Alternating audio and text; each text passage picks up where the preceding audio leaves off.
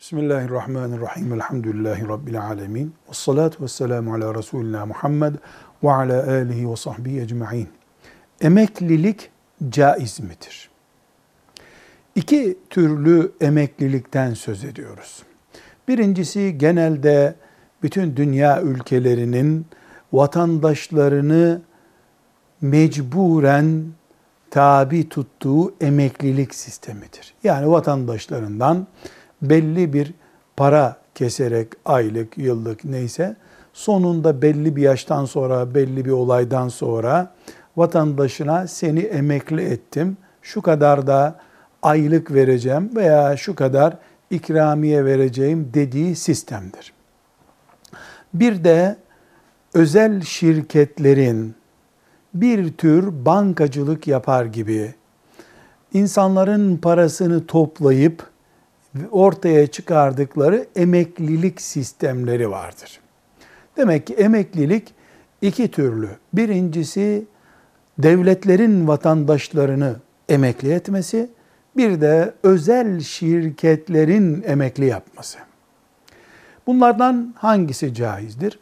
Bir devletin vatandaşlarını emekli etmesi, devlet İslam devleti olsun veya olmasın, çalışan işçisini, memurunu emekli etmesi ve emeklilikten doğan bir hak olarak maaş ya da emekli olurken ikramiye takdir etmesi caizdir.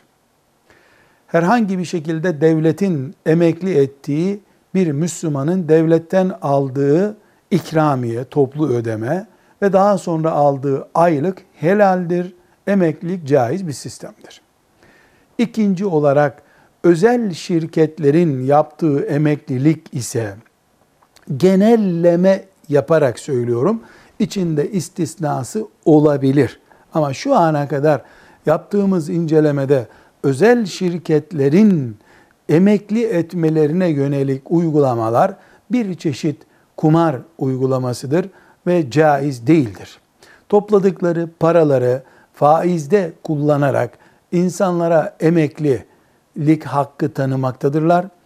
Öyle veya böyle devletlerin emekliliği dışındaki emeklilik sistemlerinden uzak durulması gerekiyor. Hem toplu ikramiyelerinde hem daha sonra yaptıkları aylık ödemelerde büyük bir sıkıntı var.